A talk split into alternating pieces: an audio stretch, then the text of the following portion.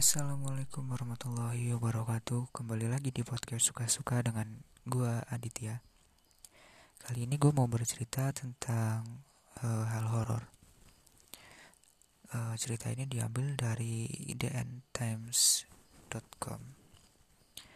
Oke, daripada berlama-lama kita mulai aja.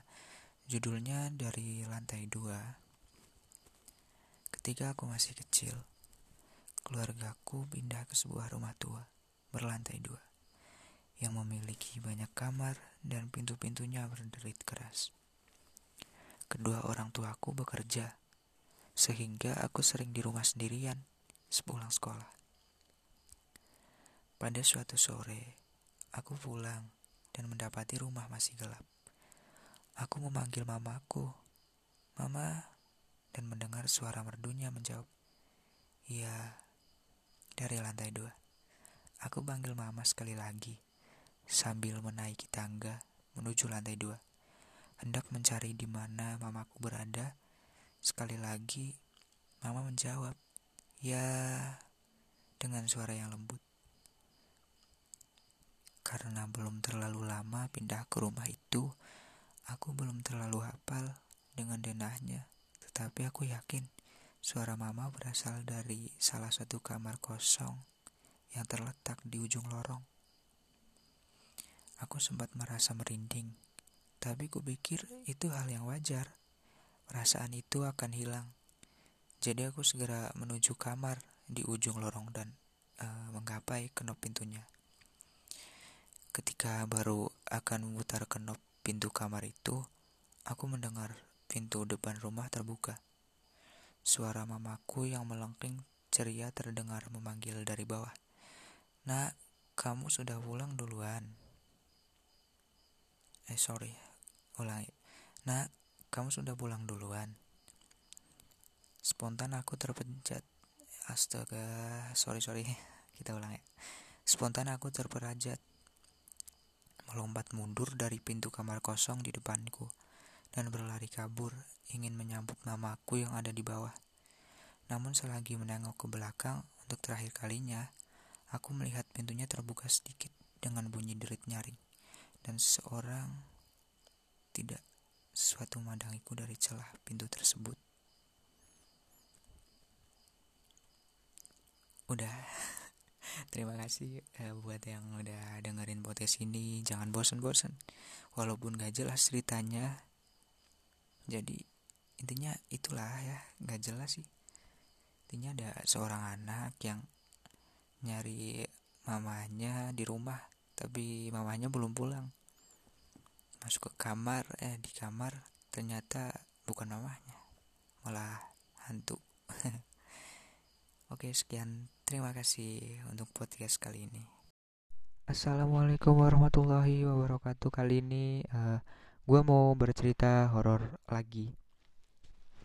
Uh, cerita ini gue ambil dari tele grup tele telegram dengan judul boneka tua. Oke daripada berlama-lama kita langsung aja. Cus dengerin. Boneka tua. Aku bernama Rindu. Aku seorang anak kecil yang tinggal bersama dengan sang nenek Aku diberi boneka saat ulang tahun oleh ayahku. Boneka itu aku kasih nama Mimi. Suatu hari, aku mendengar suara dari kamarku. Rindu, yuk main. Tapi orang itu tidak ada. Sekarang aku ketakutan memeluk bonekaku. Sampai di malam yang sama, aku menemukan suara sama. Rasanya aku ketakutan begitu cemas dan ingin sekali Imajinasi membawaku ke tempat menyeramkan. Di sana boneka milikku tertusuk pisau. Tolong, tolong. Aku berkeringat dan ternyata itu semua mimpi. Aku terbangun dari tidurku. Aku mengucap istighfar. Nenek sedang membuatkan sup ayam. Aku menyantap dengan lahap. Enak, Nek. Hmm, yummy. Aku suka sama sup buatan nenek. Di malam yang sama, nenek membacakan aku dongeng. Tapi kali ini aku merasakan bulu kudukku berdiri Sepertinya terjadi pada boneka milikku. Aku membuangnya. Aku menyuruh nenek memberiku uh, uh, sorry, kita ulang. Aku menyuruh nenek memberikan kepada pemulung terserah mau diapakan. Tapi boneka itu kembali seluruh jantungku berdetuk kencang. Aku kaget, napasku mulai tercekat sampai sebuah suara memanggilku. Rindu, yuk main. Kalimat yang sama terulang lagi. Dan ada tawa terdengar. Hi, abdi teh ayana gaduh hiji lucuna. Ku abdi di erokan. Erokna saya pisan. Sing mangga tinggali boneka abdi. Gini loh maaf ya, gue uh, bukan orang Sunda jadi kalau ngomong bahasa Sunda ya agak susah. Gak tahu bener apa salah. Tuh tadi gue bilang bahasa Sundanya. Oke kita lanjut. Lagu itu aku pernah mendengarnya saat pamanku mengajak aku ke bioskop menonton sebuah film horor. Setelah itu aku menutup tubuh aku dengan selimut. Aku sudah terlelap. Keesokan paginya aku ceritakan pada nenek Sri. Nenek Sri menggelengkan kepala mendengarku bercerita. Kamu gak usah khawatir. Mana mungkin ada boneka itu di rumah kita. Nek, Cek aja di kamarku, ujar aku. Akhirnya aku ke kamar untuk memperlihatkan bukti bahwa boneka itu masih ada. Namun boneka itu malah menghilang. Aku menarik napas lega. Di malam hari, ada suara anak kecil memanggil aku bermain. Aku tidak tahu siapa. Aku melihatnya bermain boneka itu. Tapi kasihan anak itu sendirian. Dia mendengar suara orang tuanya bercerai. Kamu selalu menyalahkan aku, Mas. Kamu juga, Mas. Kamu terlalu mau aku sempurna. Sedangkan Ferin butuh kasih sayang. Kamu, kamu sibuk bekerja. Sekarang aku talak kamu kita cerai.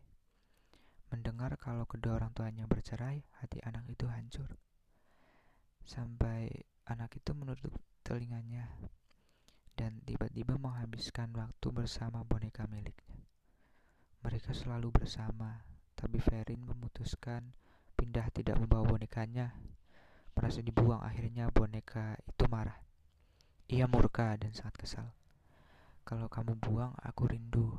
Kamu akan mati. Tidak, aku mau pulang nenek. Aku takut. Aku kembali ke kamarku. Tapi setelah keluar ternyata nenek sudah bersimbah darah. Masya Allah, kenapa ini bisa terjadi? Aku kesepian di rumah sendirian. Setelah pemakaman, paman berniat mengajakku ke rumah tante Sophie. Namun aku menolak. Aku masih mau bersama nenek. Aku mau bersama nenek. Malam berganti, malam aku bersama paman, tante Sophie tinggal di sini merawatku. Sampai satu persatu anggota keluarga aku meninggal. Ayo kita ulang. Sampai satu persatu anggota keluargaku meninggal. Aku tidak tahu lagi harus berbuat apa. Mimi, jangan bunuh semua anggota keluargaku. Sudah terlambat rindu. Main yuk. Hihi. Napasku tercekat. Langkah kakiku terla... Ah, sorry, sorry. Kita ulang ya. Langkah kakiku terasa lemas. Dan darah keluar dari kakiku sangat banyak. Aku panik mukaku pucat. Jadi selama ini aku sudah mati dan aku baru nyadari ini semua. Wow, keren banget ceritanya. Ini uh, cerita tentang boneka tua. Oke deh kalau itu maaf ya kalau suaranya nggak jelas dan maaf juga ada yang uh, beberapa kata yang salah